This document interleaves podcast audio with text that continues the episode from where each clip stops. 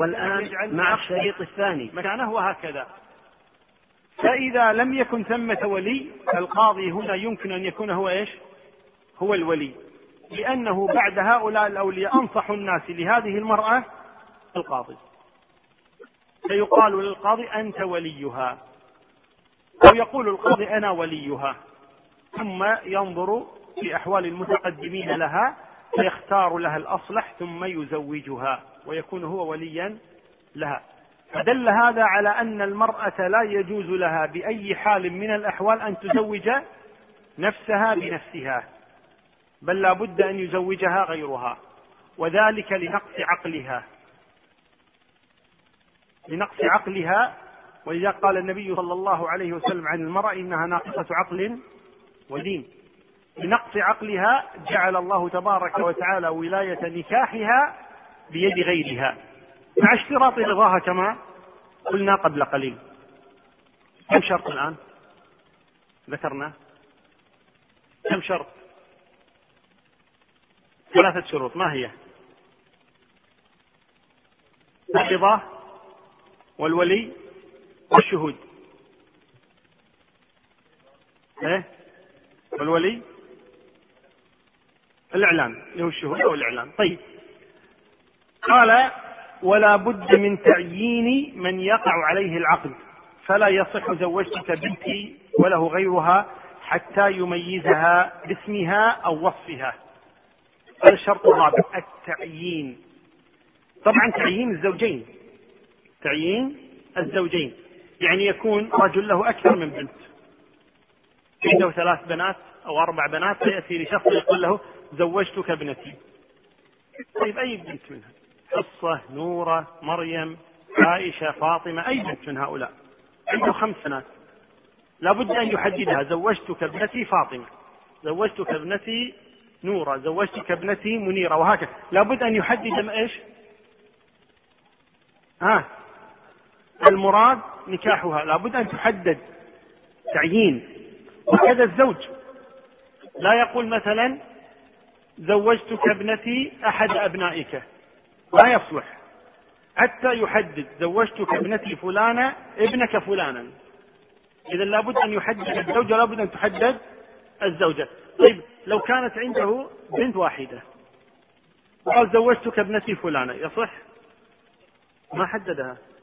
معينة. لأنها لا توجد عنده إيش؟ غيرها. إذا القصد أنه لابد أن تعين الزوجة لابد أن يعين من؟ الزوج كذلك. إذا الشرط الرابع ما هو؟ التعيين. تعيين من؟ الزوجين. تعيين الزوجين.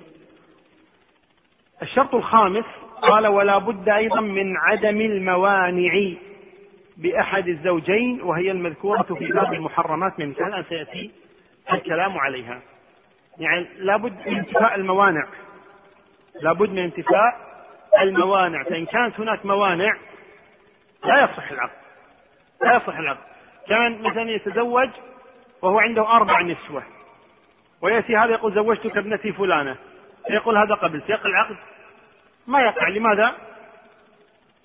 وجود مانع. ما هو المانع؟ يتزوج بأربع نسوة. ولا لا؟ هذا مانع. أو يعقد على امرأة محرمة. هذا إيش؟ هذا مانع. القصد إذا لابد من انتفاء الموانع وتأتينا الموانع في ذكر المحرمات من النساء. من عنده سؤال على ما مضى؟ نعم.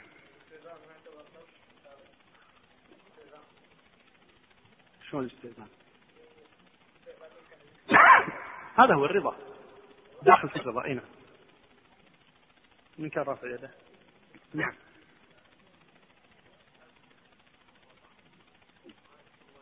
ابدا. محرم ليس كل محرم لها يكون. الخال محرم وليس وليا. الأخ لأم محرم وليس وليا. ليس كل محرم ولي. نعم. الجد جدها أبو أمها ليس وليها. محرم. نعم. لا يصح العقد إلا برضاها. أو تصمت فهذا دليل رضاها. أي نعم. ولا يشترط أن تكون راضية. إذا قالت أنا غير راضية ينفسخ العقد. دم له أن يمتنع. العرب بعضهم لبعض أكره هذا الذي يظهر. أنه ليس له أن يمتنع.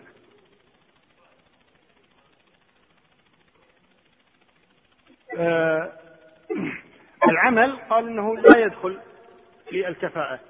الإمام مالك رحمه الله تعالى يرى الكفاءة في الدين فقط. ومذهب أحمد والشافعي أن الكفاءة في الدين والنسب. وبعض أهل العلم يرى يدخل فيه المال والصنعة يرون أن هذا أيضا يدخل في الكفاءة. والظاهر الله العالم يدخل في الكفاءة اللي هو الدين هذا الاتفاق والنسب فقط. طيب. نسمع السؤال يقول نقل ابن حجر وشيخ الإسلام ابن تيمية رحمه الله الإجماع على حرمة الدف على الرجال فما صحة الإجماع؟ وكيف يجون حديث مرة ضربت الدف؟ هم يقصدون الدف الدف للرجال آه يعني بدون مناسبة. الدف بدون مناسبة. أما مناسبة النكاح فلا أعلم أنه نقل في ذلك الإجماع.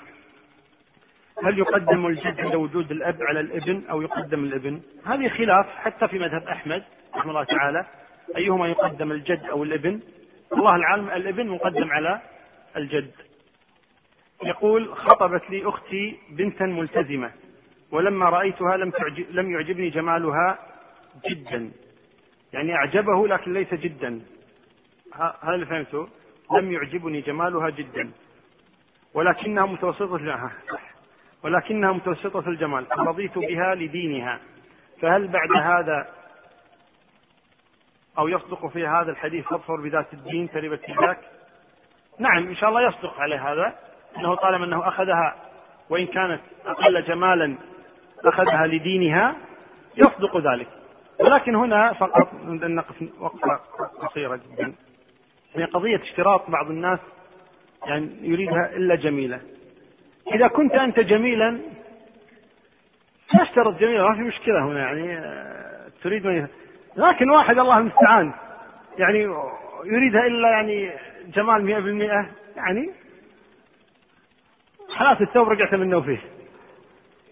طيب تنازل شوي تنازل عن بعض هذه الشروط.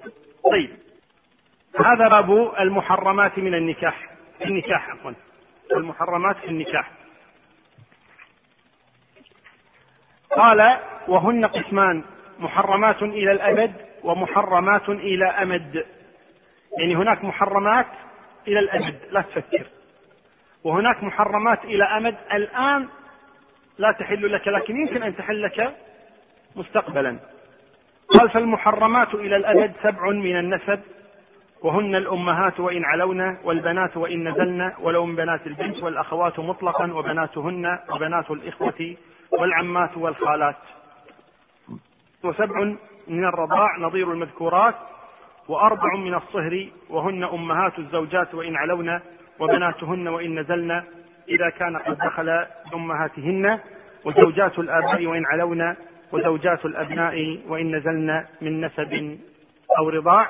والأصل في هذا قوله تعالى حرمت عليكم أمهاتكم وبناتكم. وقوله صلى الله عليه وسلم يحرم من الرضاع ما يحرم من النسب.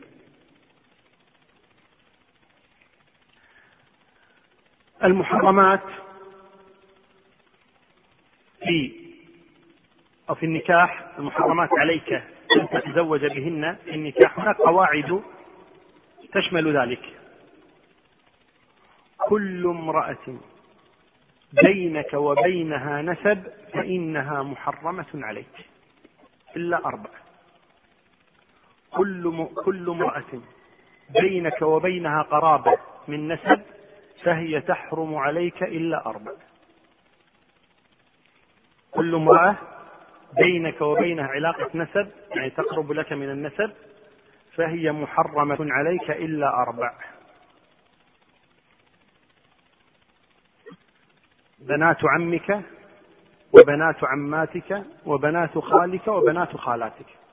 هؤلاء يجوز لك أن تتزوج بهن.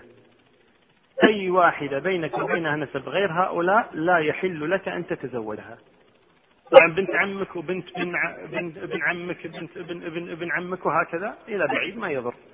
المهم بالتالي هي من بنات العمومة أو بنات العمات أو بنات الخؤولة أو بنات الخالات. هؤلاء الأربعة فقط هن اللاتي يجوز لك هؤلاء الأربعة أقصد من أصناف هن اللاتي يجوز لك أن تتزوج بهن وكل قريبة لك بعد ذلك فهي عليك حرام. ودليل ذلك قوله تعالى حرمت عليكم أمهاتكم وبناتكم وعمات وأخواتكم وعماتكم وخالاتكم وبنات الأخ وبنات الأخت. هؤلاء سبع سبع من البنات من النساء محرمات عليكم أمهاتكم بناتكم أخواتكم عماتكم خالاتكم بنات الاخ بنات الأخت. هؤلاء علاقتك معهن إيش؟ نسب. أم أخت بنت عمة خالة بنت اخ بنت أخت. سواء كانت اما أو جدة. سواء كانت بنتا أو بنت ابن أو بنت بنت سواء كانت اختا شقيقة أو لأب أو لأم. سواء كانت عمة لك أو عمة لأبيك أو عمة لأمك سواء كانت خالة لك أو خالة لأبيك أو خالة لأمك سواء كانت بنت أخت أو بنت ابن أخت أو بنت بنت أخت طيب؟ وابن أخت كذلك طيب؟ كل هؤلاء آه، بنت أخ عفوا كل هؤلاء النساء اللاتي بينك وبينهن نسب لا يجوز لك أن تتزوج بهن إلا هؤلاء الأربعة أصناف. بنت العم وبنت العمة وبنت الخال وبنت الخالة. ومثلهن في الرضاعه ومثلهن في الرضاع. واضح هذه القاعدة ولا غير واضحة إن شاء الله؟ واضحة؟ كل النساء اللاتي بينك وبينهن نسب حرام عليك إلا أربعة أصناف. بنت العم وبنت العمة وبنت الخالة وبنت الخالة سواء كانت في الرضاع أو بالنسب أما في المصاهرة المصاهرة فكل النساء حلال إلا أربعة العكس الآن. هناك كل النساء حرام إلا أربع هنا كل النساء حلال إلا أربع مطهرة زوجة الأب وزوجة الابن وأم الزوجة وبنت الزوجة. واضح؟ زوجة الأب زوجة أبيك؟ طبعا زوجة أبيك زوجة جدك. محرم عليك. زوجة ابنك زوجة ابن ابنك. نفس الشيء. محرمة عليك. إذا زوجة الأب وزوجة الابن. أم الزوجة. أم زوجتك. جدة زوجتك. وبنت الزوجة. بنت زوجتك. بنت ابنتها. وهكذا. واضح؟ إذا بالمصاهرة يحرم عليك أربع. وباقي النساء إيش؟ حلال. يعني عمة زوجتك. حلال. خالة زوجتك؟ حلال. بنت عم زوجتك؟ بنت عمة زوجتك؟ حلال. لكن يأتينا بالنسبة للخالة والعم أنه لا يجوز الجمع بينها وبين الزوجة. لكن هي لا تحرم عليك للأبد وإنها تحريم إلى إيش؟ إلى أمد يعني إلى وقت معين. لكن نحن نتكلم عن المحرمات إلى إيش؟ إلى الأبد يعني لا تفكر تصير محرما لها. زوجة أبيك لو تزوج أبوك بامرأة ثم طلقها أو مات عنها فأنت محرم لها إلى الأبد. زوجة أبيك لو تزوج أبوك بامرأة طبعا غير أمك. طيب تزوج أبوك بامرأة ثم مات عنها هي أمك يعني بمنزلة أمك. وأنت محرم لها وإن طلقها أبوك. أبوك بعد أن يطلقها تغطى عنها أنت ما تغطى عنك خلاص. أنت صرت محرما لها إلى الأبد. وكذلك زوجة ابنك. لو أن ابنك تزوج فتاة ثم طلقها ما تغطى عنك أنت أبدا. تغطى عن مطلقها اللي هو ابنك الذي كان في يوم من الأيام زوجا لها وأنت إيش؟ أنت محرم لها. ما تغطى عنك أبدا. واضح إن شاء الله تعالى. لأن هذه زوجة ابنك فتكون محرما لها إلى الأبد. وكذلك أم آه نعم أم الزوجة أم زوجتك كذلك تحرم عليك. حتى لو طلقت هذه المرأة طيب أمها ما تغطى عنك. خلاص حتى لو طلقتها تصير تدخل بيتهم وتقعد مع أمها وتسافر معاها؟ ما في مشكلة. كانت يوم أما لزوجتك. حتى لو صارت زوجتك الآن مطلقة منك وتغطى عنك وكذا أمها ما في مشكلة أبدا. وكذا الأمر بالنسبة لبنتي الزوجة. واضحة الأمور؟ طيب. إذا كل النساء عليك حلال إلا أو كل النساء لك حلال إلا أربع. زوجة الأب وزوجة الابن وأم الزوجة وبنت الزوجة. وتختلف بنت الزوجة بشيء واحد فقط. عن هؤلاء الثلاث. الثلاث يجمعهن شيء واحد وهو أنهن يحرمن عليك بمجرد العقد. يعني بمجرد أن أباك عقد على هذه المرأة حرمت عليك حتى لو لم يدخل بها. مجرد أن ابنك عقد على هذه المرأة تحرم عليك حتى لو لم يدخل بها. بمجرد أنك عقدت على هذه المرأة أمها تحرم عليك وإن لم تدخل بها. لكن البنت لا تحرم عليك إذا عقدت على أمها حتى تدخل بها. لقول الله تبارك وتعالى وربائبكم اللاتي في حجوركم من نسائكم اللاتي دخلتم بهن فإن لم تكونوا دخلتم بهن فلا جناح عليكم. أما الباقي فيحرمن عليك إلى الأبد بمجرد العقد. زوجة الأب زوجة الابن. أم الزوجة يحرمن عليك بمجرد العقد. بنت الزوجة بنت زوجتك لا تحرم عليك حتى تدخل بالمرأة. يعني لو عقد رجل على امرأة ولنفرض اسم هذه المرأة أسماء عقد عليها. ثم رأى ابنتها فأعجب بها. فطلق الأم ليتزوج البنت. له ذلك. طالما أنه لم يدخل بالأم. لكن لو عقد على البنت ثم أعجب بأمها ولو طلق البنت لا يجوز له أن يتزوج الأم. لماذا؟ حرمت عليه بالعقد. إذا البنت تحرم بماذا؟ بالدخول والأم تحرم بالعقد. نعود. بالنسبة للنسب قلنا كل امرأة بينك وبينها نسب فهي حرام عليك إلا أربع. وبالنسبة للمصاهرة كل النساء حلال عليك إلا أربع واضح إن شاء الله. هذا بالنسبة للتحريم إلى إيش؟ إلى الأبد. التحريم إلى الأبد.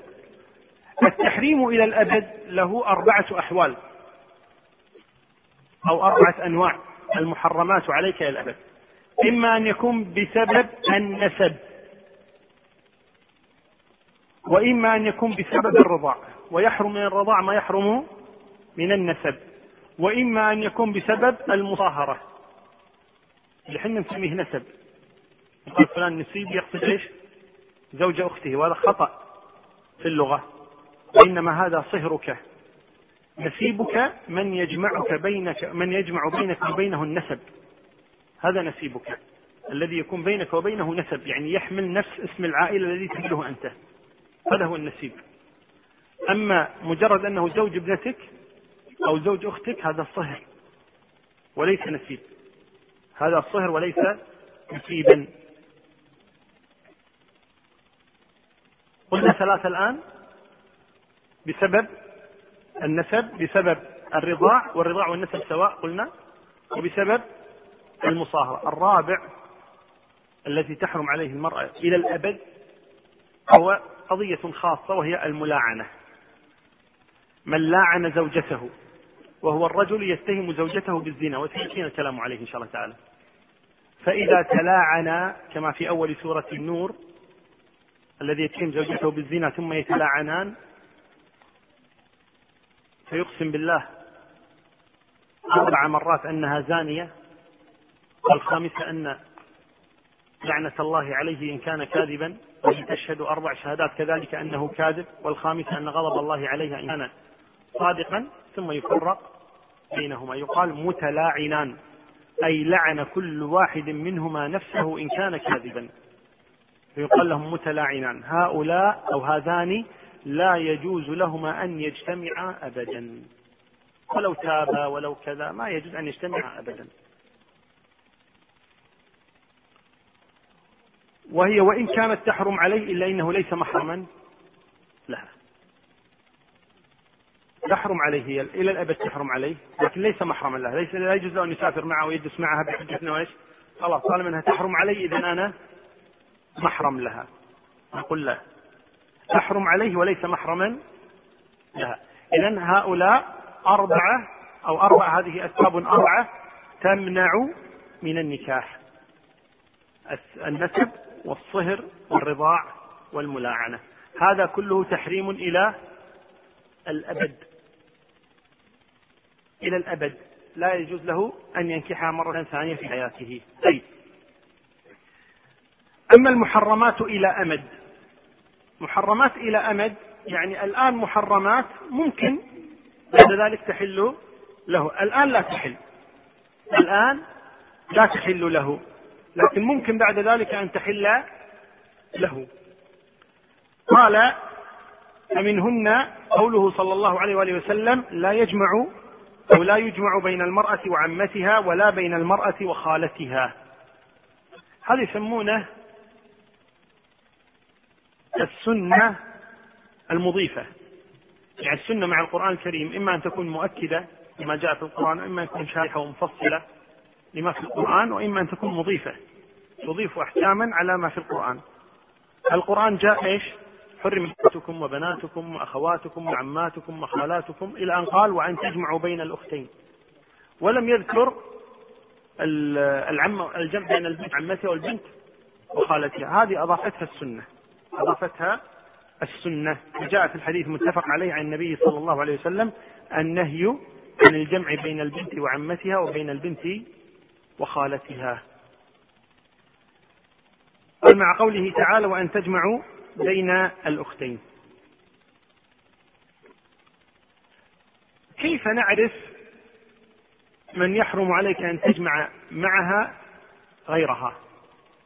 يقول أهل العلم هناك قاعدة لمعرفة من يجوز لك أن تجمع بينهما ومن يجو لا يجوز لك أن تجمع بينهما من النساء.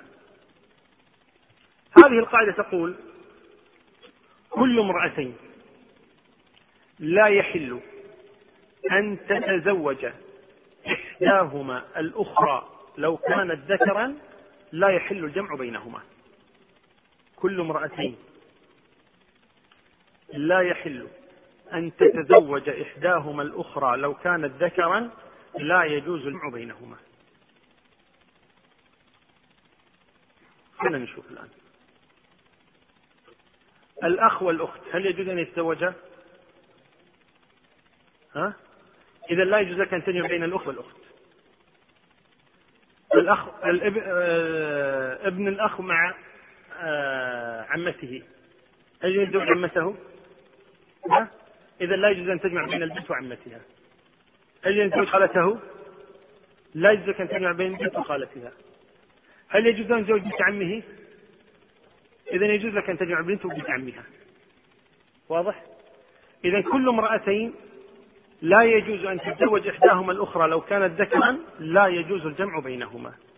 سواء كان بسبب المصاهرة بسبب النسب أو بسبب الرضاع. سواء كان بسبب النسب أو الرضاع فإنه لا يحل الجمع بينهما أو حتى المصاهرة. واضح إن شاء الله تعالى. نعم.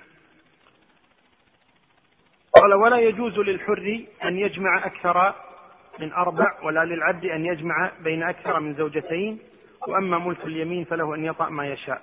وإذا أسلم الكافر تحته أختان اختار إحداهما. أو عنده أكثر من أربع زوجات اختار أربعا. وفارق البواقي. وتحرم المحرمة حتى تحل من إحرامها. والمعتدة من الغير حتى يبلغ الكتاب أجله. والزانية على الزاني وغيره حتى تتوب. وتحرم مطلقته ثلاثا حتى تنكح زوجا غيره ويطأها ويفارقها وتنقضي عدتها. طيب. الآن المحرمات إلى أمد يعني إلى أجل. الآن تحرم لك ممكن إيش؟ أن تحل لك من بعد. نشوف. قال لا يجمع بين المرأة وعمتها. لكن لو طلقها هل يجوز يتزوج عمتها؟ يجوز. إذا ما الذي يحرم الجمع بينهما لكن لو فرق طلق البنت أخذ عمتها له ذلك لكن بشرط تنقضي عدتها إذا لم تنقضي عدتها الزوجة معلقة ولا لا؟ نعم إذا حتى تنقضي عدتها له أن يتزوج عمتها وكذا الأمر بالنسبة للخالة طيب هل يتزوج بنت أختها؟ يجمع بينها وبين بنت أختها؟ هي خالتها ولا لا؟ وجمع بين البنت وخالتها طيب. قال ولا يجوز أن, أن تجمع بين الأختين. كذلك إذا كان متزوج بنت لا يجوز أن يتزوج أختها. إذا كان متزوج من امرأة لا يجوز أن يتزوج معها أختها حتى يطلقها أو تموت. إذا طلقها أو ماتت له أن يتزوج الثانية. وإذا طلقها طبعا بدأ أن تنقضي عدتها. له أن يتزوج أختها. لكن قبل ذلك ليس له. قال ولا يجوز للحر أن يجمع أكثر من أربع. يعني الحر يتزوج أربع نسوة فقط وليس له أن يتزوج خامسة حتى يطلق إحداهن أو تموت. وتنقضي عدتها كذلك. وهذه التي يلغز بها البعض يقول عدة الرجل. متى تكون للرجل عدة؟ طبعا عدة الرجل هذا يعني من باب التسامح بالألفاظ وإلا الرجل ليس له عدة. ولكن القصد أنه يمتنع من الزواج إذا طلق المرأة يريد أن يتزوج عمتها أو خالتها أو أختها أو يريد أن يتزوج خامسة. لا يستطيع حتى تنقضي عدة من طلقها. لا يستطيع أن يتزوج الأخت حتى تنقضي عدة أخت أختها. ولا يستطيع أن يتزوج العمة حتى تنقضي عدة بنت أخيها وهكذا. وليس منها عدة الرجل. قال ولا للعبد أن يجمع بين أكثر من زوجتين. هذه خلاف بين أهل العلم خلاف بين أهل العلم. وهي هل العبد الحر يتزوج أربع؟ أو حده على النصف على أساس القاعدة التي ذكرها بعض أهل العلم أن العبد دائما على النصف من الحر. والذي يظهر الله الآن ما في دليل على أن العبد على النصف من الحر. قال وأما ملك اليمين فله أن يطأ ما شاء. لأن ملك اليمين لا تعد من الزوجات. ولذلك لو كان للرجل أربع زوجات وعنده ملك يمين ما في بأس إن شاء الله تعالى. لكن لا يجوز له أن تكون له أخت زوجة وأخت ملك يمين. يعني ما يجوز عنده أختين واحدة زوجة وواحدة ملك يمين. لا يجوز. لأنه لا يجوز أن يطأ أختين في وقت واحد. بل ولو كانتا البنتين ملك يمين لا يجوز أن يطأهما جميعا يطأ واحدة منهما فقط. يعني لا يجوز أن يجعل ماءه في رحم أختين في وقت واحد أبدا. سواء كانتا زوجتين أو كانتا ملكمين أو كانت واحد زوجة والثانية ملكمين لا يجوز أبدا. نعم. قال وإذا أسلم الكافر وتحته أختان يعني حال كفره تزوج أختين. أنت سمعت عن الهندي اللي تزوج جدته؟ الفترة ها؟ نعم. لو جاء هذا وأسلم. الآن. جاء وقال أشهد أن لا إله إلا الله. شنو قال يلا سكت عن العجوز. اترك العجوز. ما يجوز له لأنها إيش؟ محرم عليه في ديننا. قال أنه دخل في ديننا تحرم عليه جدته. نعم. فإذا دخل رجل في ديننا وهو متزوج من أختين نقول له إيش؟ اختر إحداهما وفارق الأخرى. لو دخل في ديننا ومتزوج خمس نسوة أو ست نسوة. كذلك نقول اختر منهن أربعا. اختر منهن أربعا. نعم. قال وتحرم المحرمة حتى تحل من إحرامها. ليس واحد أن يتزوج امرأة محرمة من حج أو عمرة. حتى تحل من إحرامها. والمعتدة سواء كانت مطلقة معتدة آه، من طلاق الرجعي أو معتدة من وفاة أو معتدة من طلاق بائن بينونة صغرى أو بينونة كبرى طالما أنها معتدة لا يجوز له أن يعقد عليه ولو عقد عقدها باطل لا يصح. نعم. والزانية حتى تتوب لا يجوز أن يعقد على زانية حتى تتوب من زناها. قالوا مطلقته ثلاثا لو طلق امرأته ثلاثا لا يحل له أن يتزوجها مرة ثانية حتى تنكح زوجا غيره ويدخل بها ويطلقها أو يموت عنها بعد ذلك للأول أن يرجع إليها. فكل هؤلاء محرمات على إيش؟ إلى أمد. يعني لو تابت الزانية له أن يتزوجها؟ له أن يتزوجها. اللي كان عنده خمس نسوة ما قلنا يفارق واحدة؟ فارقها. لو طلق إحدى نسائه له أن يراجعها؟ إذا هؤلاء محرمات عليه إيش؟ إلى أمد إلى وقت معين. لكن لو حصل أيضا في ظروف له أن طلقته ثلاثا. الآن ليس له أن يتزوجها لكن لو تزوجها غيره وطلقها له أن كل هذا يسمينا إيش؟ مطلق محرمات إلى إيش؟ إلى أجل أو إلى أمد إلى وقت معين. لكن ممكن يأتي وقت من الأوقات وتحل له. طيب كذلك زوجة الغير. زوجة الغير محرمة عليك إلى إيش؟ إلى أمد. لو طلقها أو مات عنها وانقضت عدتها لك أن تتزوجها لك أن تتزوجها. المشركة محرمة عليك إلى أمد لو أسلمت جاز لك أن تتزوجها. كذلك طبعا المشركة غير الكتابية. غير الكتابية. طيب أما الكتابية يجوز الزواج بها. آه يعني لقول الله تبارك وتعالى والمحصنات من الموات المحصنات من الذين أوتوا الكتاب من قبلكم. كذلك أمته. لا يجوز لك أن تتزوج أمتك. لو كانت عندك أمة عبدة أنت باليمين تملكها لا يجوز لك أن تتزوجها لا يجوز لك أن تتزوج الأمة لأنه يعني الآن هل هي زوجة ولا أمة؟ إذا مت ترثك ولا ما ترثك؟ أبناؤها إيش؟ فلا يجوز له أن يتزوج أمته إما أن يبقيها أمة وإما أن يعتقها ويتزوجها أما يتزوجها وهي أمة لا يجوز وهي أمته هو واضح ولا لا؟ كانت أمة ملكك كذلك النبي صلى الله عليه وسلم لما أراد أن يتزوج صفية ماذا صنع؟ اعتقها. ثم تزوجها. ولما أراد أن يتزوج جويرية ماذا صنع؟ اعتقها. ثم تزوجها. لكن ماريا ما اعتقها ودخل بها. صلوات الله وسلامه. فالأمة إذا لا يجوز له أن يتزوجها حتى يعتقها. هذا بالنسبة لأمته هو. كذلك لا يجوز له أن يتزوج أمة الغير. أمة غيرك لا يجوز لك أن تتزوج بها. إلا بشروط كما ذكر الله تبارك وتعالى ومن لم يستطع منكم قولا أن ينكح المحصنات المؤمنات فمما ملكت أيمانكم من فتياتكم المؤمنات والله أعلم بإيمانكم بعضكم من بعض.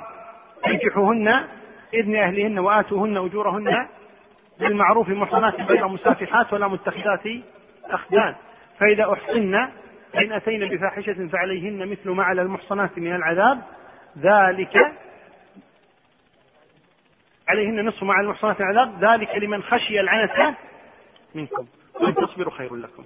وقال أهل العلم لا يجوز بناء على هذه الآية لا يجوز له أن يتزوج الأمة أمة الغير يعني عبد عند غيرك. لا يجوز إلا أن لا يجد حرة يتزوجها ولا يعطي أمة ولا يج ولا يستطيع أن يصبر. إذا اجتمعت هذه الشروط الثلاثة لا يستطيع الزواج بحرة لا يستطيع شراء أمة يعف بها نفسه ولا يستطيع أن يصبر فله هنا أن يتزوج الأمة. أما إذا استطاع أن يتزوج حرة أو استطاع أن يشتري أمة أو استطاع أن يصبر فالأصل أنه لا يجوز له أن يتزوج بالأمة. لماذا؟ قالوا لأنه يضر بأولاده. يوقع الضرر على أولاده ليس من باب الحرمان ولكن لأنه يضر أولاده. كيف يضر أولاده؟ الأولاد يتبعون أمهم في الرق والحرية ويتبعون أباءهم في النسب والولاء. فإذا بدر الآن بدر الآن يبحث عن زوجة اللي عرف زوجة صالحة زوجة ولد صالح إن شاء الله نحسبه كذلك. الآن بدر الآن يبحث عن زوجة. لو بدر الآن ضاقت به الدنيا ما لقى حرة راح حق حمد حمد حتى حمد يدور. مشكلة. راح ما يدور. ضاري. ضاري متزوج. لو ضاري عنده أمة. ملك يمين الآن. طيب؟ عنده ملك يمين. فجاء بدر قال له أريد أن نتزوج أمتك. هذه العبدة التي عندي. أريد أن أتزوجها فقال ضاري ما حد ما مباركة تزوجها فتزوجها بدر. إلى الآن ما في مشكلة. هذه قد تنجب ولا ما تنجب؟ تنجب زوجة أنجبت. أولاد بدر يصيرون عبيد حق ضاري يتبعون أمهم. أمهم أليست أمة؟ أليست عبدة؟ أمة لمن؟ لضاري أولاد بدر يصيرون شنو؟ مع أن بدر إيش؟ حر لكن أولاد يصيرون إيش؟ يصيرون عبيدا تبعا لأمهم يتبعون الأم. الأولاد يتبعون الأم في الرق والحرية فيصيرون عبيدا. من الذي تسبب في عبوديتهم؟ أبوهم بدر. واضح ولا لا؟ إذا لذلك حرم على الحر أن يتزوج الأمة لما في ذلك من الإضرار على أولاده. طيب. إذا قلنا في الحرية الولد يتبع أمه. طيب في الإسلام والكفر يتبع من؟ أمه أو أباه؟ يتبع خيرهما. يتبع خيرهما يعني المسلم منهما يتبع المسلم منهما. طيب في النجاسة طبعا في الحيوانات طبعا يتبع الأم ولا الأب؟ يتبع الأب يتبع الأنجس منهما. يعني لو حصان تزوج حمارا حمارة. ما ينزو الحصان على الحمار؟ على الحمارة؟ ينزو. وينتج منهما إيش؟ البغل.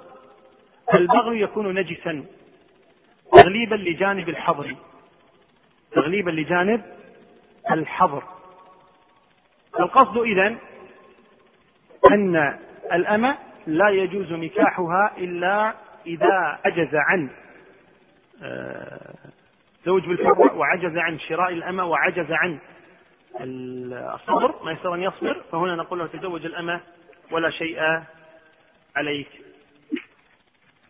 قال الشيخ عبد الرحمن السعدي رحمه الله وإياه ويجوز الجمع بين الأختين بالملك ولكن إذا وطئ إحداهما لم تحله الأخرى حتى يحرم الموطوءة لإخراج عن ملكه أو تزوج لها بعد الاستبراء. إذا كان للرجل آه، ملك يمين يملك أختين ملك يمين.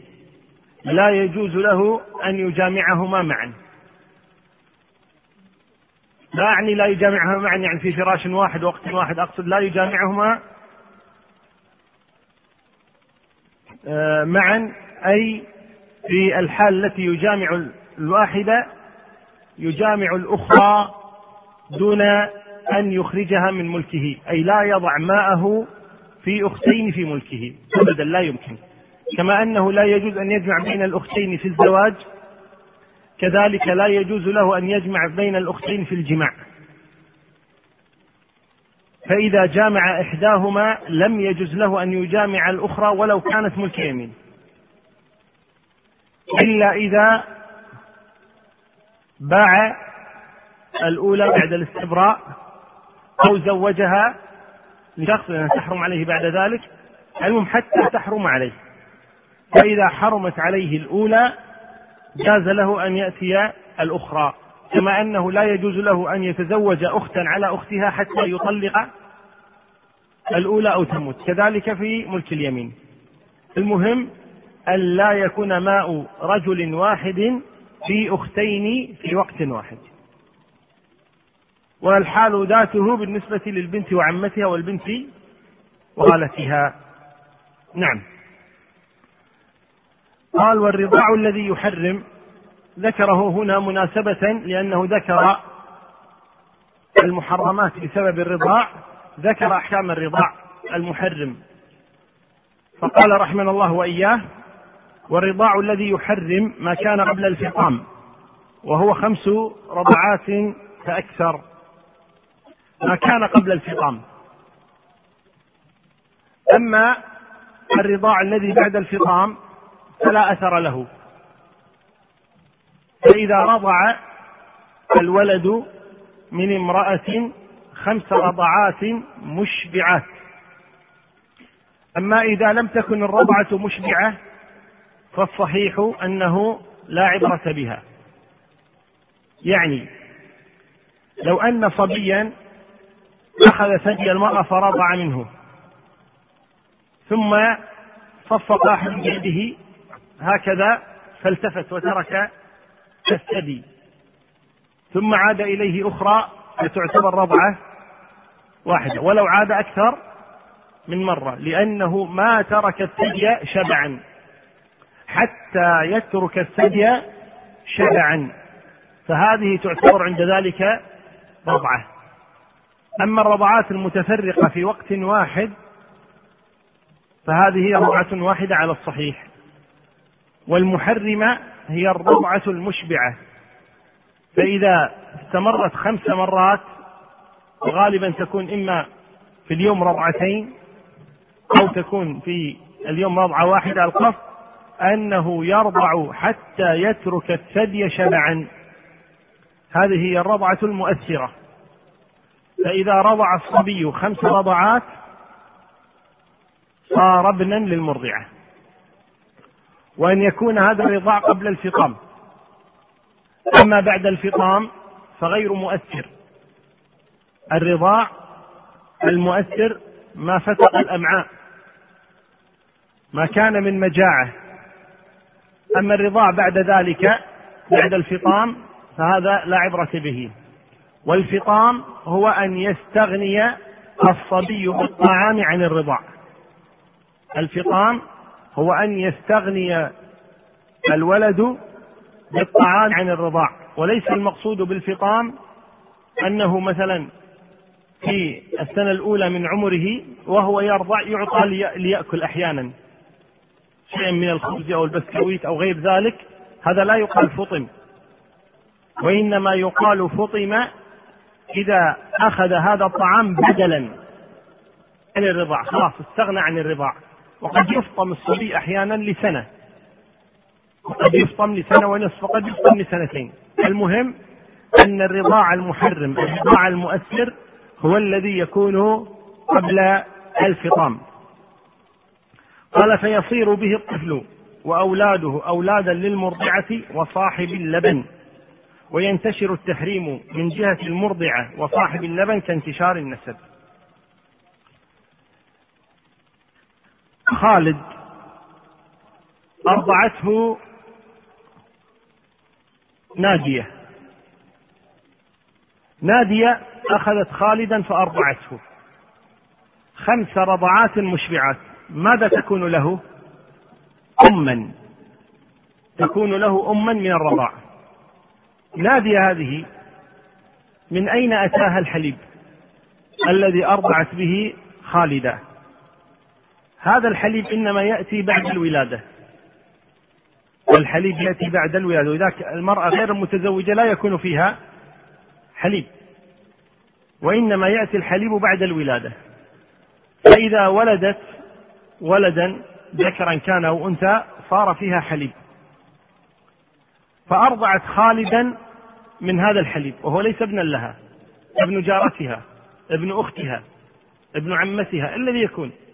فأخذته وأرضعته من حليب ابنها وليكن ابنها سالم فأرضعت خالدا مع سالم فتكون أما لخالد أما بإيش؟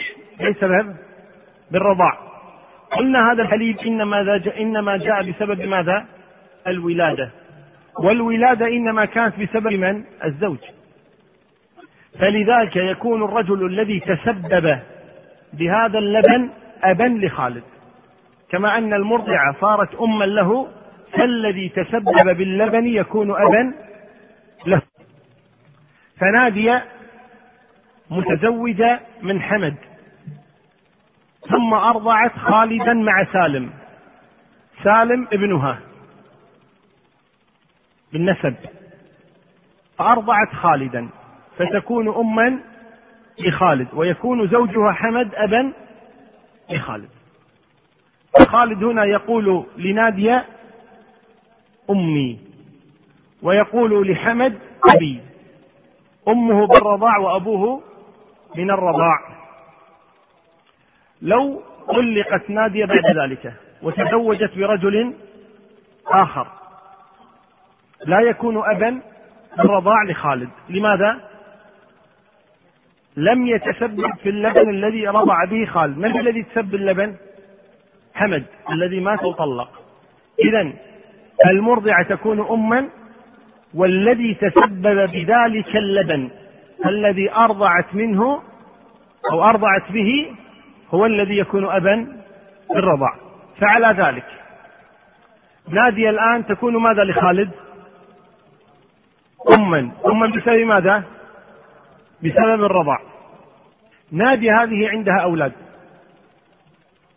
أكبر من خالد وأكبر من سالم. ماذا يكونون لخالد؟ إخوة من الرضاع. أكبر من خالد وأكبر من سالم. ماذا يكونون لخالد؟ إخوة من الرضاع. طيب بعد ذلك نادية أيضا أنجبت أولادا ذكورا وإناثا بعد سالم.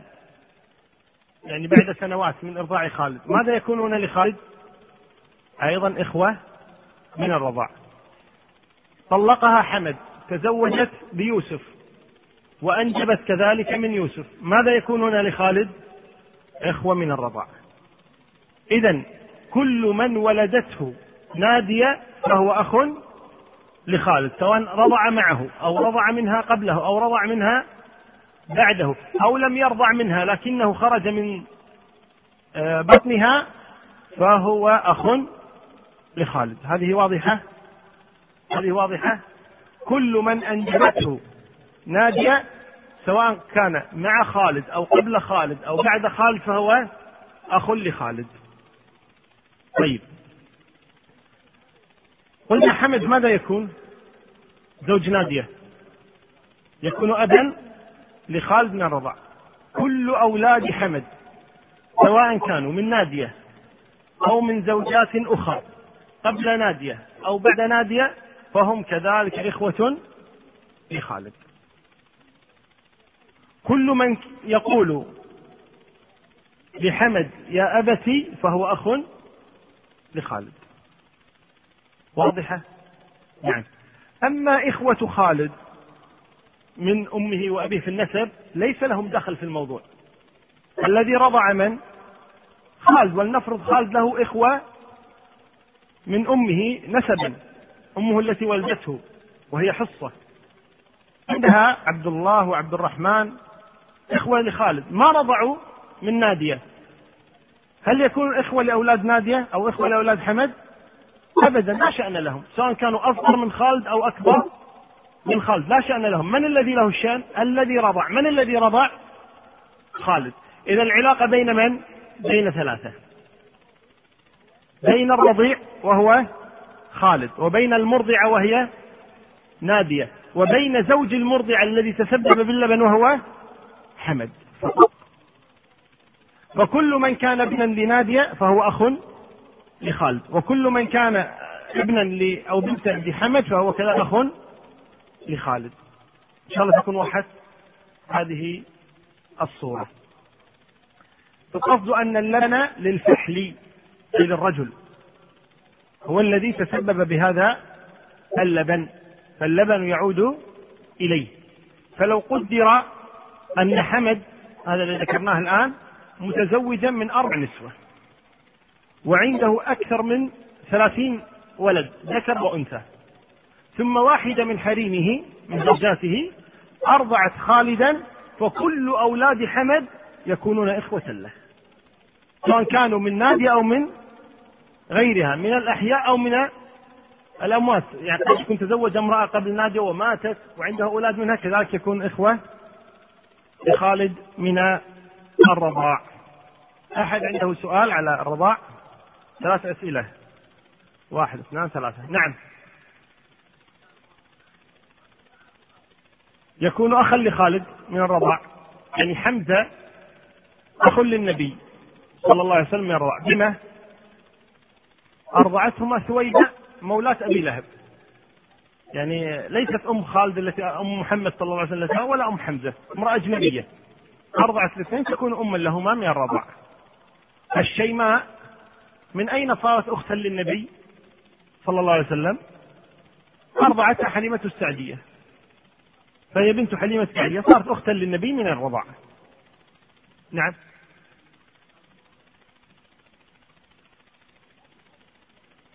هذه حالة استثنائية.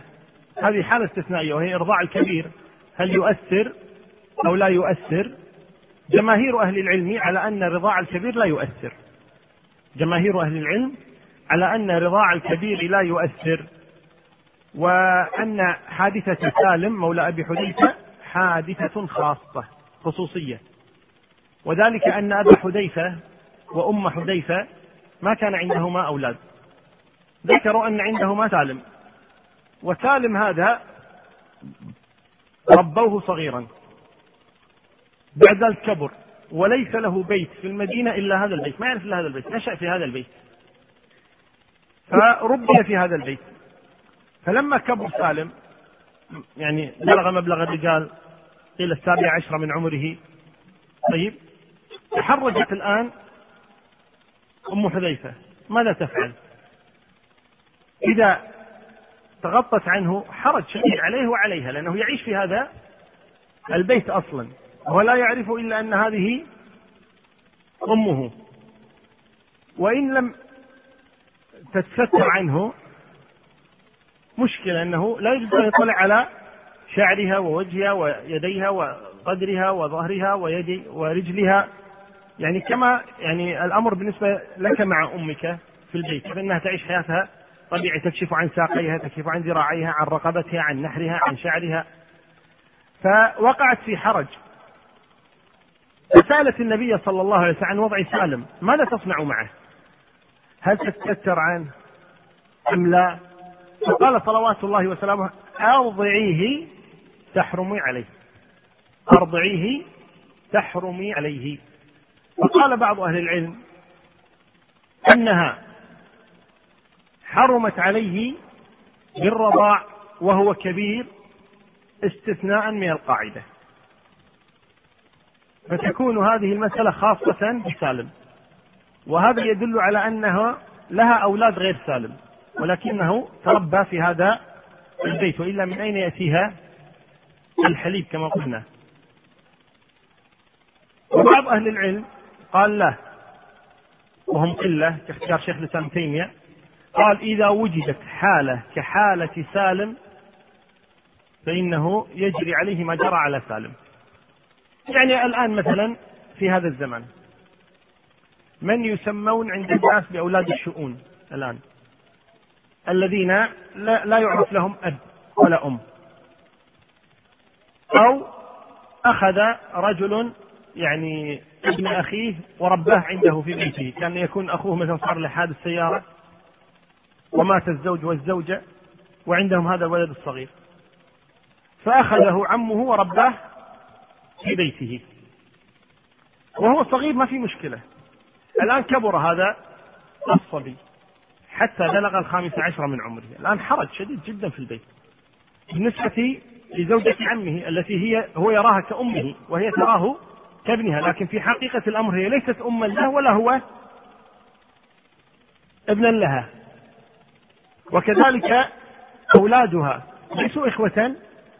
له فسيكون حرج عظيم جدا في هذا البيت في حياة هذا الصبي أو هذا الشاب الآن في هذا البيت. فيقول الشيخ الإسلام تيمية لو وقعت صورة قريبة من صورة سالم فإنها لو أرضعته حرمت عليه كما حرم سالم على أم حذيفة بذلك. طبعا ولا يلزم من ذلك أن ترضعه بكشف صدرها له. هذا ليس بلازم. لأنها كما قلنا الأصل أنها تستر عنه. فكيف ترضعه؟ تحلب له. كما يحدث الآن في بعض الحالات أنه يحلب لبعض الأولاد الصغار ويوضع هذا الحليب في الثلاجة مثلا يشربه في الصباح خاصة النساء اللاتي يعملن مثلا. في النهار يعني من الليل ترضع ولدها ساعة أخرى تجعلها في قارورة وتجعلها في مكان بارد.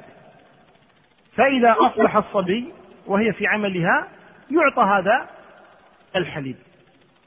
فالحليب في حقيقة الأمر ممن؟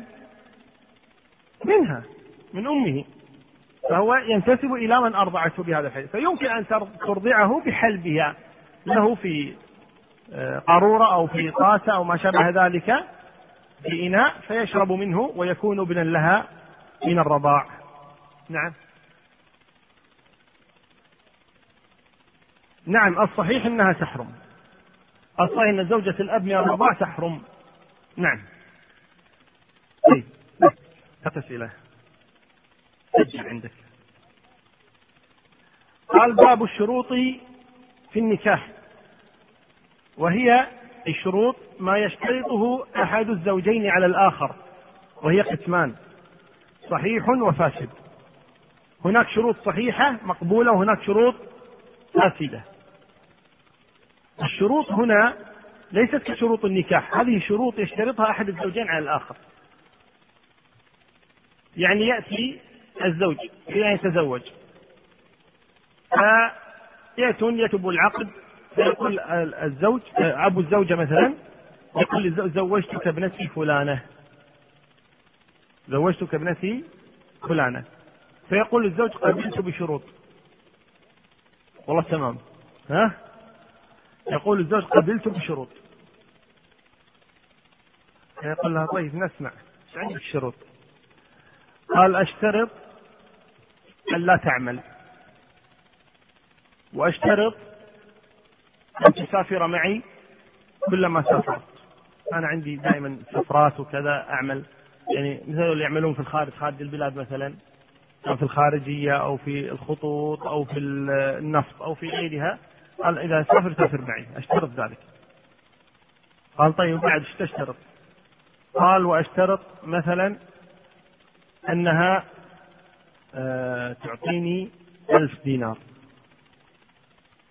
أن حقيقة يعني أنا كثير من البنات تتمنى أن تتزوج. بي لكن أنا أخترتكم أنتم يعني تنازلت لأجلكم وأريد ألف دينار أيضا. قال بعد. قال نسمع إيش تبي. قال السكن عليكم. أنا أدخل بمجهودي عليكم السكن وعليكم النفقة وعليكم كل شيء وأنا أجي بالشهر مرة. إيش رأيكم؟ تقبله زوجا لابنتك؟ مرة؟ يمكن رجل صالح يمكن تقي. ما تقبله؟ ها أبد. الله المستعان. طيب. إذا قد يشترط الزوج. أحيانا يكون الشروط وهذا الغالب تكون الشروط من من؟ من الزوجة. فيقول أبو الزوجة زوجتك ابنتي فلانة بشروط. فيقول ما هي؟ لا تعمل. خير إن شاء الله. وبعد قال تعطيها كل شهر مئة دينار. قال طيب ما تتزوج عليها؟ بعد قال ما تخرجها من بلدها. تسكن معنا أنت هنا في هذه البلاد. ما تفرق بيننا وبين ابنتنا. بعد قال ما نبيها تسكن عند أهلك نبيها شقة الحال أو بيت الحال وما ما تسكن مع أهلك. هذه شروط من من؟ من أهل؟ الزوج. إذا إما أن تكون الشروط من الزوجة وإما أن تكون الشروط من الزوج. طبعا ليس بشرط أن الأب أبوها هي تشترط. لا الحق أن تشترط هي. بل هذا حقها هي. والأب إذا اشترط إنما يتكلم بلسانها. فهنا الشروط هذه صحيحة. إذا قبل الآخر. إذا قبل الزوج بهذه الشروط يلزم بها. وإذا قبلت الزوجة بهذه الشروط أو المرأة بهذه الشروط تلزم بها. هذه تسمى شروط صحيحة. وهي التي لا تنافي العقد. لا تنافي العقد. والمسلمون عند شروطهم. فإذا التزم بشرط الله تبارك وتعالى يقول يا أيها الذين آمنوا أوفوا بالعقود. فيلتزم كل واحد منهما بما قبل من الشروط. هناك شروط أخرى تسمى شروط فاسدة يعني غير معتبرة لا ينظر إليها. من هذه الشروط الفاسدة عقد التحليل. يعني يشترط على الزوج تتزوج الآن وتطلق بعد غد حتى ترجع لزوجها الأول. تذوق عسيلتك تذوق عسيلتها لكن تطلق بعد أسبوع لأجل ترجع إلى زوجها الأول. هذا شرط فاسد. كذلك أن يكون متعة عقد متعة. تحدد مدة معينة لمدة شهر. هذا شرط فاسد وعقد فاسد. الشغار يقول له تزوجني ابنتك. يقول أزوجك ابنتي وتزوجني ابنتك. بدون مهر. زواجك من ابنتي مهري لزواجي من ابنتك. أبدا. يصير تبادل. هذا يأخذ ابنة هذا وهذا يأخذ ابنة هذا أو يأخذ أخت هذا ويأخذ أخت هذا وبدون مهر. هذا يسمى شغار. تسمى الشغار هذه كلها شروط فاسدة وبالتالي تكون العقود فاسدة. الشروط فاسدة والعقود فاسدة. أفسدتها هذه الشروط. يقول المؤلف وهي قسمان صحيح كاشتراط لا يتزوج عليها ولا يتسرى يعني حتى ملك يمين ولا يخرجها من دارها أو بلدها أو تشترط زيادة مهر أو نفقة ونحو ذلك. يقول فهذا ونحوه كله داخل في قوله صلى الله عليه وآله وسلم إن أحق الشروط أن توفوا به ما استحللتم به الفروج. قال ومنها شروط فاسدة كنكاح المتعة والتحليل والشغار. ورخص النبي صلى الله عليه وآله وسلم في المتعة أولا ثم حرمها. المتعة أبيحت في السنة الثامنة من الهجرة.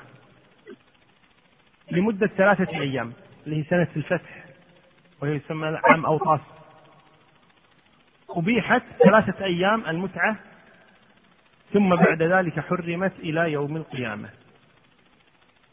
وإنما أبيحت المتعة أن يتمتع المسلمون بالكافرات لمدة ثلاثة أيام ثم حرمت إلى يوم القيامة. أما التمتع بالمسلمات فهذا لم يشرع أصلا وهو محرم أصلا ولم يحل في يوم من الأيام. قال ولعن المحلل ولعن المحلل والمحلل له. ونهى عن نكاح الشغار وهو أن يزوجه موليته على أن يزوجه الآخر موليته ولا مهر بينهما. قال وكلها أحاديث صحيحة أي في هذه المسألة. طيب. بقي عندنا أنواع لم يذكرها المؤلف لأن كما تعلمون هذا الكتاب مختصر. وهي النكاح بنية الطلاق والعرفي وما يسمى بالمسيار. أما النكاح بنية الطلاق فإذا كان باتفاق بينهما فهذا هو المتعة المحرم بالإجماع وإذا كان بنية أحدهما فنية المرأة لا أثر لها لأنها لا تملك الطلاق النية المؤثرة هي نية الزوج. يعني هو الزوج نوى في نفسه أنه سيتزوج هذه المرأة ويطلقها بعد مدة. فهذا النكاح محرم. النكاح بنية الطلاق محرم لأن فيه غشا. والنبي صلى الله عليه وسلم يقول من غش فليس منا وفيه خديعة لهذه المرأة. لكن لو عقد العقد صحيح مثل الغش في البيع. الغش في البيع العقد صحيح والبيع والبائع آثم لأنه غشة. كذلك هنا لو عقد على امرأة بنية الطلاق العقد صحيح. عقد زواج صحيح ما عليه غبار لكنه آثم. آثم لماذا؟ لأنه غش هذه المرأة. إنه خانها وهي تنوي البقاء أو الزواج المستمر وهو ينوي خلاف ذلك. وفيه كذلك إضرار لها وفيه إضرار لأهلها. وهو مخالف لقول النبي صلى الله عليه وآله وسلم لا يؤمن أحدكم حتى يحب لأخيه ما يحب لنفسه. ولو علم أن أحدا تزوج أخته أو بنته وطلقها بعد مدة وعلم أن ذلك الرجل إنما تزوجها بنية الطلاق لما قبل ذلك لموليته لابنته أو أخته. فكيف يرضاه لبنات الناس؟ فالقصد أن النكاح بنية الطلاق محرم لكنه كعقد عقد صحيح مع الاسم. فلا يجوز لأحد أن يقدم على مثل هذا النكاح. يتزوج بنية الاستمرار بعد ذلك رأى أن يطلق يطلق وانتهى الأمر بدون هذه النية المبيتة. وهي نية الطلاق. ما من إنسان يتزوج إلا وهو في نيته إذا لم يسعد معها ولم يتفق أنه سيطلق. أما أن يعقد الطلاق ويعزم عليه عزما أكيدا بعد شهر أو بعد سنة أو بعد أسبوعين أو بعد كذا هذا لا يجوز. طيب. الثاني العرفي. العرفي نوعان عرفي عند الناس وعرفي عند أهل العلم.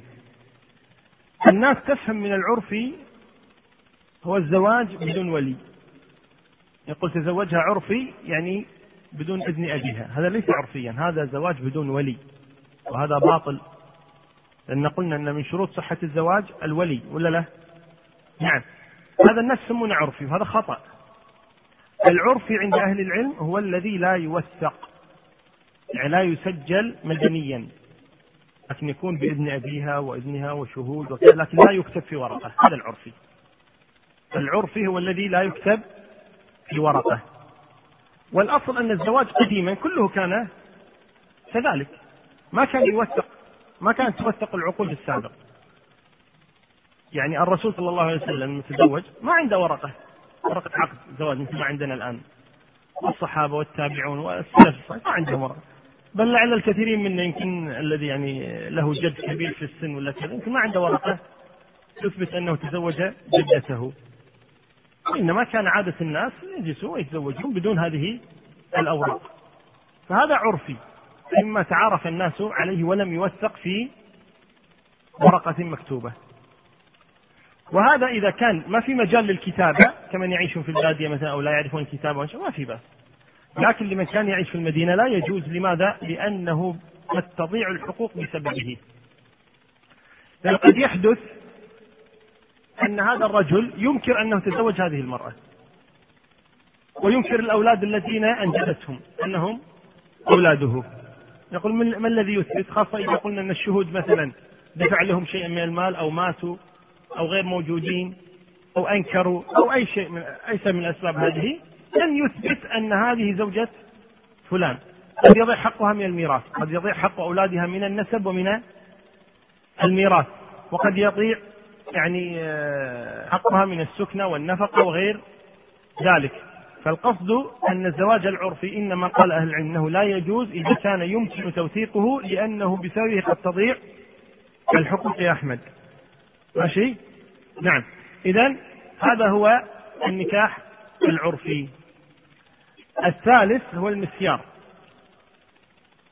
المسيار كذلك لا يعرفه أهل العلم وإنما يدخلون نكاح المسيار في أول ما ذكرنا وهو الشروط في النكاح وهو تنازل المرأة عن بعض حقوقها. تنازل المرأة عن بعض حقوقها. سماه الناس مسيارا لأن الرجل لا يعدل في المبيت بين زوجتيه. ولنفرض أن رجلا اسمه فهد. وهذا فهد تزوج من امرأة اسمها آه، خولة. نغير الأسماء شوية. فهد تزوج خولة. ثم بعد ذلك أراد أن يتزوج امرأة أخرى اسمها ابتسام. فلما أراد أن يتقدم لهذه ابتسام قال لها أنا أريد أن أتزوجك. ولكن اعلمي أني لا أستطيع أن أستغني عن خولة وأولادها. عندي أولاد من خولة وبيت وكذا. أنا أتزوجك ولكن آتيك خلسة في النهار. المبيت لا يمكنني أبدا حتى إلا أن أبيت في بيت خولة أبدا لا يمكنني ذلك. وإنما آتيك في النهار آتيك في العصر لكن في الليل لا أبات عندك أبات عند خولة. قالت ابتسام ما عندي مانع أبدا. على الله. فهنا سموه مسيارا لأنه يسير عليه يعني. يأتي يزور ويرجع. فلذلك سماه الناس مسيارا وهو في الحقيقة تنازل عن حق. هو تنازل عن حق. أي حق؟ حق المبيت. حق المبيت. وكذلك سموه مسيارا من باب أنها ما تطالبه بسكنة مثلا. عندها بيت. فتقول تمر علي في بيتي ما أطلب منك سكنا. قد لا تطلب أيضا نفقة. قد تكون يعني مسرة غنية. ما تحتاج إلى نفقة. القصد إذا سماه الناس مسيارا وهو في حقيقة الأمر تنازل عن بعض الحق. فإذا كان هذا التنازل برضاها فهذا جائز. إذا كان هذا التنازل برضاها فهذا جائز. وقد تنازلت أم المؤمنين سودة بيومها لعائشة رضي الله عنها. معلوم أن النبي صلى الله عليه وسلم توفي عن تسع نسوة. وكان يقسم لكل واحدة يوما. إلا عائشة كان يقسم لها يومين. يقسم لها يومها ويوم سودة. وذلك أن سودة أم المؤمنين تنازلت بيومها لعائشة. فهذا جاز. إذا كان على سبيل التنازل. فإذا تنازلت إذا ابتسام لخولة الأمر في هذا إيش؟ جائز. ما فيه بأس. أبدا. لكن لو فرضنا أنه اشترطه شرطا كتب في العقد بشرط أن لا آتيك إلا يوما واحدا في الأسبوع أو لا آتيك إلا نهارا أو لا مبيت لك عندي أو ما شابه ذلك هذه شروط فاسدة غير معتبرة والعقد صحيح. فلو قدر الآن انتبهوا أن فهد تزوج ابتسام على هذا الشرط وهو أنه لا يأتيها إلا في النهار. ولا يبات عندها ولا يقسم لها بالعدل ولا يصرف عليها ولا سكن له عليها آه، لها عليه. بعد شهر بعد سنة جاءت ابتسام لفهد وقالت له يا فهد مللت. أملت من ماذا؟ قلت مللت من هذه الحالة يا أخي اعدل. خلاص سنة كاملة تحملت تأتيني في النهار فقط في الليل استاحش لحالي وكذا. ما تنفق علي ما عندي سكن أسكن عند أهلي كفي. كفي ماذا تريدين؟ قالت حالي حال خولة. كما لها سكن أريد سكنا. لها نفقة أريد نفقة. لها مبيت لي مبيت. ليلة بليلة. كفي. قال يا فلانة قالت كفي ولا طلق مللت ما أستطيع. أنا جربت سنة احتملت سنة. قدر الظروف افهم. ما ما في طب. طيب والحل؟ اعدل. طيب والشرط اللي بيني وبينك؟ قلت والله الشرط. أنا تراجعت. طيب. آسف. شلون اسف بيني وبينك اشتكي. فذهبت إلى القاضي. القاضي نص. جاءوا قال يا قاضي هذا موضوعي مع زوجي. فهد احكم بيننا. هذا نص اتق الله واعدل بين زوجتيك. اعدل في السكنة اعدل في النفقة اعدل في المبيت. قال يا قاضي بيني وبينها شرط. هنا ماذا يقول له القاضي؟ قال هذا ليس بشرط وإنما هذا تنازل عن حق. هذا ليس بشرط وإنما هو إيش؟ تنازل عن حق. متى ما شاءت أن ترجع لها ذلك. هذا ليس بشرط. قال وقعت. قال والله لو بصمت. فهذا ملغي. ما له قيمة. لأنه في الحقيقة ليس بشرط وإنما هو إيش؟ تنازل عن حق. له لها الحق. متى ما أراد أن تتراجع. مثال ذلك. طيب. الآن لو أن يوسف الآن عنده سيارة. انتبهوا. يوسف عنده سيارة.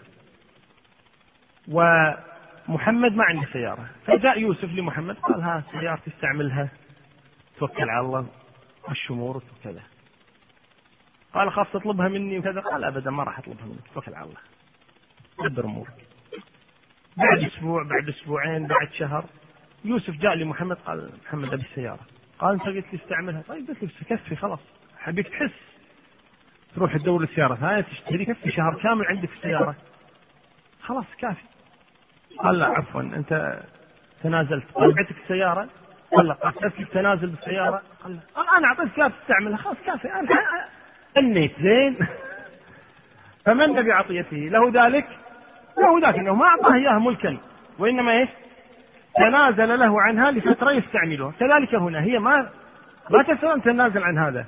وإنما هي تنازلت عن بعض حقوقها لفترة ثم لها أن تعود وتطالب بهذه الحقوق. فالشاهد هنا أن المسيار كعقد عقد صحيح وهو عبارة عن تنازل لا عن شروط. فأما إذا كانت عبارة عن شروط فالشروط هذه إيش؟ غير معتبرة ولا ينظر إليها. أحد عنده سؤال؟ ثلاثة أسئلة. واحد اثنان ثلاثة. نعم. لا فرق. عند جماهير أهل العلم لا يفرقون بين النكاح الفاسد والنكاح الباطل. وإنما هذا عند الحنابلة. يفرقون بين النكاح الفاسد والباطل. يقول النكاح الباطل ما أجمع المسلمون على تحريمه والفاسد ما اختلف فيه. والصحيح أنه هو سواء. نعم.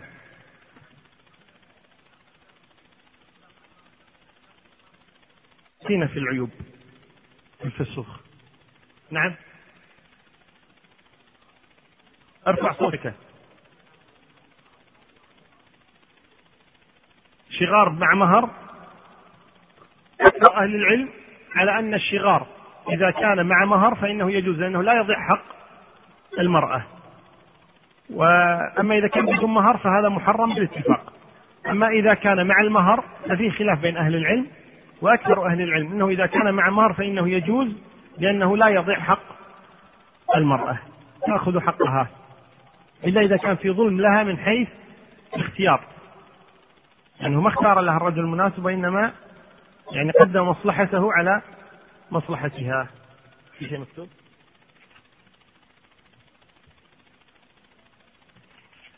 يقول لو كانت المرأة يتبادر إلى ذهنها أن يتزوج بنية الطلاق فهل يعتبر هذا متعة؟ أبدا.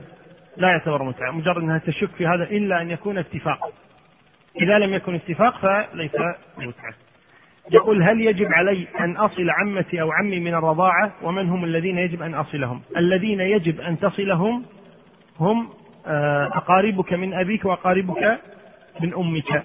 وكلما كانت علاقته بك أقرب كلما كانت صلته أوجب. ومن الرضاع لهم صلة لهم صلة. وقد أكرم النبي صلى الله عليه وسلم الشيماء أخته لما أسرت أكرمها صلوات الله وسلامه عليه. فإذا كان الإنسان يعني عنده عمات كثير وخالات وأخوال وعم وأعمام ويصل هؤلاء كلهم جزاه الله تبارك وتعالى كل خير. وإذا كان لا يستطيع قدم الأولى فالأولى. يقول رجل عقيم أراد أن يتبنى طفلا ولكن كيف يفعل إذا كبر؟ هل يجوز أن يكتم الخبر عنه؟ وماذا عن الميراث؟ لا يجوز. يعني لا يجوز له له أن يتبناه يعني بالتربية. أما بالاسم لا يجوز أن يحمل اسمه أبدا. ادعوهم لآبائهم. لا يجوز له أن يتبناه بالتسمية وإنما يتبناه بالتربية فقط. أما التسمية فلا يجوز أن ينسبه إلى نفسه وبالتالي إذا كبر يعلم أنه ليس أبا له وإنما رباه وأحسن إليه بهذا. وأما الميراث فقطعا لا يرث. إذا كان الابن من رضاع ما يرث الذي بالتربية من باب أولى أنه لا يرث. يقول انتشر عند بعض الناس أنه لا يجوز للرجل إذا عقد على المرأة أن يتزوج أن يتزوجها لا يجوز له النظر إليها حتى يوم العرس. إذا عقد هي زوجة له. إذا عقد عليها فهي زوجة له. هذا خطأ. هذه من العادات السيئة عند الناس هو أنه لا يجوز له أن يراها بعد العقد حتى يكون الزواج. نعم قد يمنع من الخروج معها. ممكن هذا. لكنه لا يجوز له أن يراها. هذا لا يجوز. هذه زوجته. يجوز أن يكلمها الهاتف. يجوز له أن يراها يعني في البيت عند أهلها مثلا. لكن قد يمنع من الخروج معها حتى يكون العبس حتى ينتشر الأمر عند الناس حتى لا تتهم المرأة. آه، حصلت يعني آه، مسألة ذكرها لي بعض الإخوة. هذا رجل تزوج امرأة ومنع كالعادة من النظر إليها وجلوس معها وكذا. وفي يوم من الأيام علم أن أهلها قد خرجوا من البيت قفز عليها في البيت ودخل عليها. فقالت ماذا تريد؟ قلت زوجك أريدك بالحلال. حتى يكون العرس. قال أبدا الآن. إذا متى أنا أنتظر العرس خاصة أن العرس يكون بعد أشهر. وأنت زوجتي الآن بالحلال. المهم حاولت فأخذ منها ما يأخذ الرجل من المرأة. وإلى الآن لم يكن العرس ولم يدري أحد فسكتت.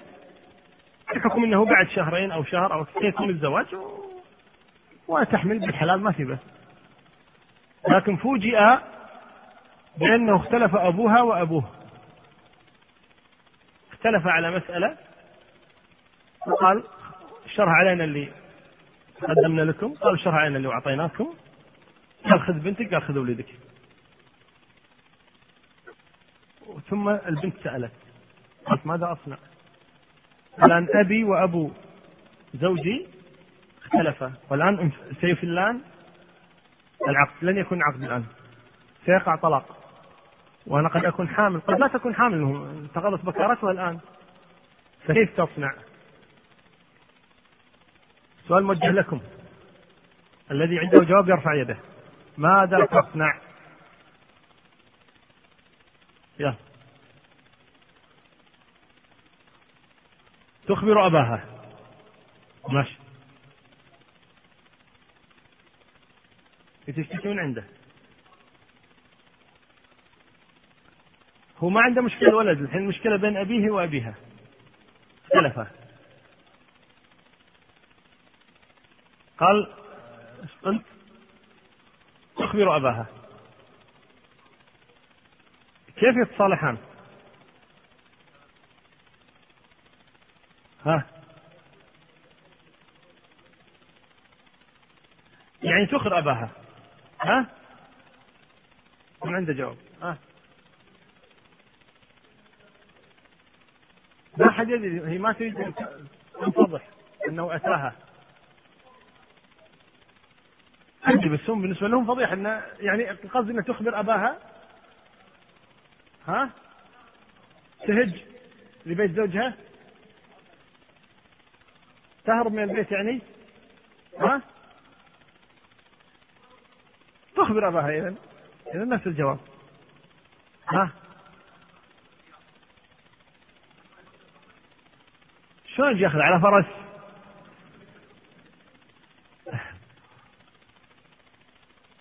نعم.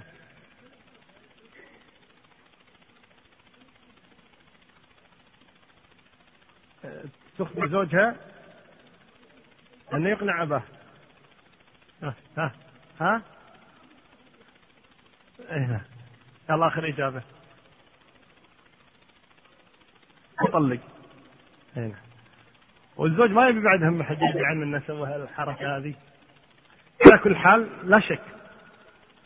الصحيح إنها تتصل على الزوج هذا وتقول له يعني آه، أنت لا تحل المشكلة ابدا. أنا ساتكلم لك أتيتني لن أسكت ابدا. اما أن تقنع والدك يجي يحب خشم أبوي. زين. وتاسف منه لو أبوي اللي غلطان. ها شلون؟ وإما أن أخبر أبي. يعني ما أستطيع أن أسكت. القصد أنها ما تسكت على كل حال. نعم. يقول إذا كان هناك شك في عدد الرضعات ما الحكم؟ يعمل بالأحوط. اللي هو التحريم. هل يجوز الوطء للعبدة وخالتها أو عمتها؟ لا لا يجوز. إذا اضطر الزوج بعدم الوفاء بشرط من شروط الزواج كأن يكون الشرط عدم الزواج على الزوج. فاضطر بعد ذلك أن يتزوج لمرض الزوجة. ليس له ذلك إلا أن ترضى الزوجة أو يطلقها ويعطيها كامل حقوقها. هل ما يعرفون بأولاد الشؤون يحرمون على من؟ ببيتهم من النساء. آه هؤلاء أولا هؤلاء ليس لهم ذنب. هؤلاء ليس لهم ذنب. ما أذنبوهم وإنما أذنب آباؤهم. وأمهاتهم وهم لا ذنب لهم. فهم إذا تربوا في بيت يربون على أنهم يعني آه، لقطة من اللقطاء ويتربون في هذا البيت ويحسن إليهم كما يحسن إلى أولادهم. لكن لا يجوز أن ينسبه إلى نفسه. وإذا كان في مجال أن ترضعه يعني آه، الزوجة زوجة صاحب البيت وهذا طيب جدا حتى يعني يكون هناك نوع من الراحة في هذا البيت دخوله وخروجه على أمه على إخوته أخواته وهكذا. نعم. هذا باب العيوب في النكاح. قال إذا وجد أحد الزوجين بالآخر عيبا لم يعلم به قبل العقد كالجنون والجذام والبرص ونحوها فله فسخ النكاح. العيوب المؤثرة قال أهل العلم كل ما يفوت مقصود الزواج فهو عيب مؤثر. يعني سواء كان العيب في الزوج أو في الزوجة أن العيوب قد تكون في الذكر وقد تكون في الأنثى. هناك عيوب متفق عليها كالبرص. يعني واحد تزوج واحدة امرأة ثم وجدها فيها برص. أو هي وجدته فيه فلها أن تمتنع. من إتمام هذا الزواج. وكذلك لو زوجوه طلع مصوحي مجنون. ظاهره صاحي شوي كذي ولا دخل على المرأة ولا مو صاحي. فيه يعني جنون. أو المرأة طلع فيها إيش؟ جنون. ولم يخبر الزوج بذلك. هذه عيوب. هذه عيوب. فالقصد أن هذه العيوب التي تؤثر في آه، استقرار هذه الحياة بين الزوجين فإنها آه، عيوب مؤثرة يعني لها اعتبار. أما عيوب غير مؤثرة مثلا دخلت عليه الزوجة فإذا هي فيها شوية عرجة مثلا صار لها حادث عمل عملية مثلا وإحدى إحدى الرجلين أصغر من فتعرج فهذا ليس عيبا. مؤثرة. هذا ليس عيبا مؤثرة. أو آه وجدها مثلا أن شعرها مثلا آه قصير. أو آه وجدها مثلا فيها حبوب في ظهرها أو ما شابه ذلك. هذه ليست عيوب مؤثرة. وإنما العيوب التي إيش؟ تمنع من استمتاع أحد الزوجين بالآخر. هذه هي العيوب المؤثرة. أما العيوب هذه البسيطة هذه يتسامح آه، بها. فالقصد أن العيب المؤثر هو العيب الذي يفوت استمتاع أحد الزوجين بالآخر أو يكون برصا أو يكون جذاما أو يكون جنونا. هذه هي العيوب التي تؤثر. الجذام مرض الأكلة لتآكل الأعضاء وما شابه ذلك من الجسم يسمونه الغرغرين مثلا أو غير ذلك. نعم. يقول وإذا وجدت وجدته عنينا أجل إلى العنين هو الذي لا يستطيع أن يجامع. الرجل الذي لا يستطيع أن يجامع زوجته يقال له عنين. يقال له عنين. هذا يؤجل لمدة سنة. لماذا يؤجل سنة؟ قالوا حتى تمر عليه الفصول الأربعة. لماذا؟ قال قد يكون الإنسان يكسل في الصيف ينشط في الشتاء يكسل في الخريف ينشط في الربيع. يعني الجو يؤثر على يعني جسمه. لذلك يؤجل سنة حتى تدور عليه جميع الفصول. إذا مدة سنة ما استطاع أن يجامع الزوجة هنا يقال له إيش؟ عنين. وله الحق أن تفسخ العقد بذلك يقول وإن عتقت كلها وزوجها رقيق خيرت. الآن الأحرار يتزوج الحر الحرة في مشكلة؟ العبيد يصير يتزوجون ولا حرام يتزوجون؟ ها؟ إي نعم. عبد تزوج أمة؟ في مشكلة؟ ما في مشكلة. أنا الآن أملك عبدا وأمة. أملك عبدا وأمة. فزوجتهما من بعض. تزوج عبدي أمتي. أو عبدي تزوج أمة خالد أو يوسف أو علي أو حسن. عنده أمة وعندي عبد. فقلت له زوج أمتك هذه لعبدي فلان. قال توكل على الله. وزوجناهما العبد صحيح؟ العبد يتزوج أمة والحر يتزوج حرة ما هي مشكلة ثم بعد ذلك عتقت المرأة صارت حرة صارت إيش؟ صارت شيء كيف تصير حرة؟ سيدها جاءها يوما قال فلانة اذهبي أنت حرة بنت الله هذا إيش يسمونه؟ عتق اعتقها الآن إذا اعتقها صارت أعلى درجة من زوجها لأن زوجها عبد وهي حرة هنا لها الحق أن تطالب بفسخ العقد. تقول ما أستطيع أن أعيش مع عبد. أريد حرا. وهذا وقع في زمن النبي.